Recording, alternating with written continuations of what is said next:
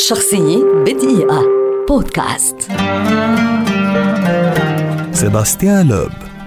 سائق راليات فرنسي شهير ولد عام 1974 ويعد واحدا من أساطير سباقات الرالي في العالم لا بل تذهب الغالبية العظمى إلى اعتباره أفضل سائق رالي عرفه التاريخ. عام 2001 شارك سيباستيان لوب في أول رالي له خلف مقود سيارة سيتروان في بطولة العالم للراليات في إيطاليا لكنه حقق فوزه العالمي الأول في RC في رالي ألمانيا عام 2002 حين كان في الثامنة والعشرين من عمره. عام 2004 انتزع لقبه العالمي الأول للسائقين وقد فاز بست راليات في ذلك العام. لكن عام 2008 كان عام الأرقام القياسية بالنسبة له. فمع 11 فوزا في 15 جولة على متن سيتروان سي 4 دبليو آر سي بات لوب السائق الأكثر تتويجا في ال WRC مع خمسة تيجان عالمية. رغم المنافسة القوية والصعوبات الكثيرة توج لوب بلقبه العالمي الثامن عام 2011 وبعد فوزه بلقبه التاسع المتتالي عام 2012 أعلن لوب أنه سيتوجه لخوض السباقات على الحلبات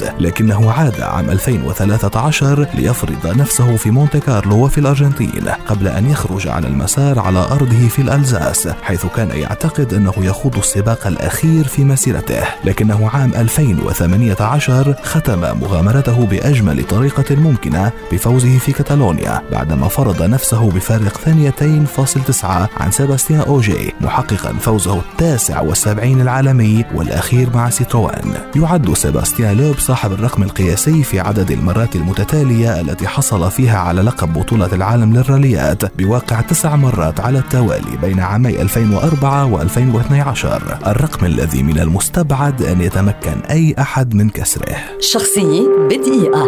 بودكاست.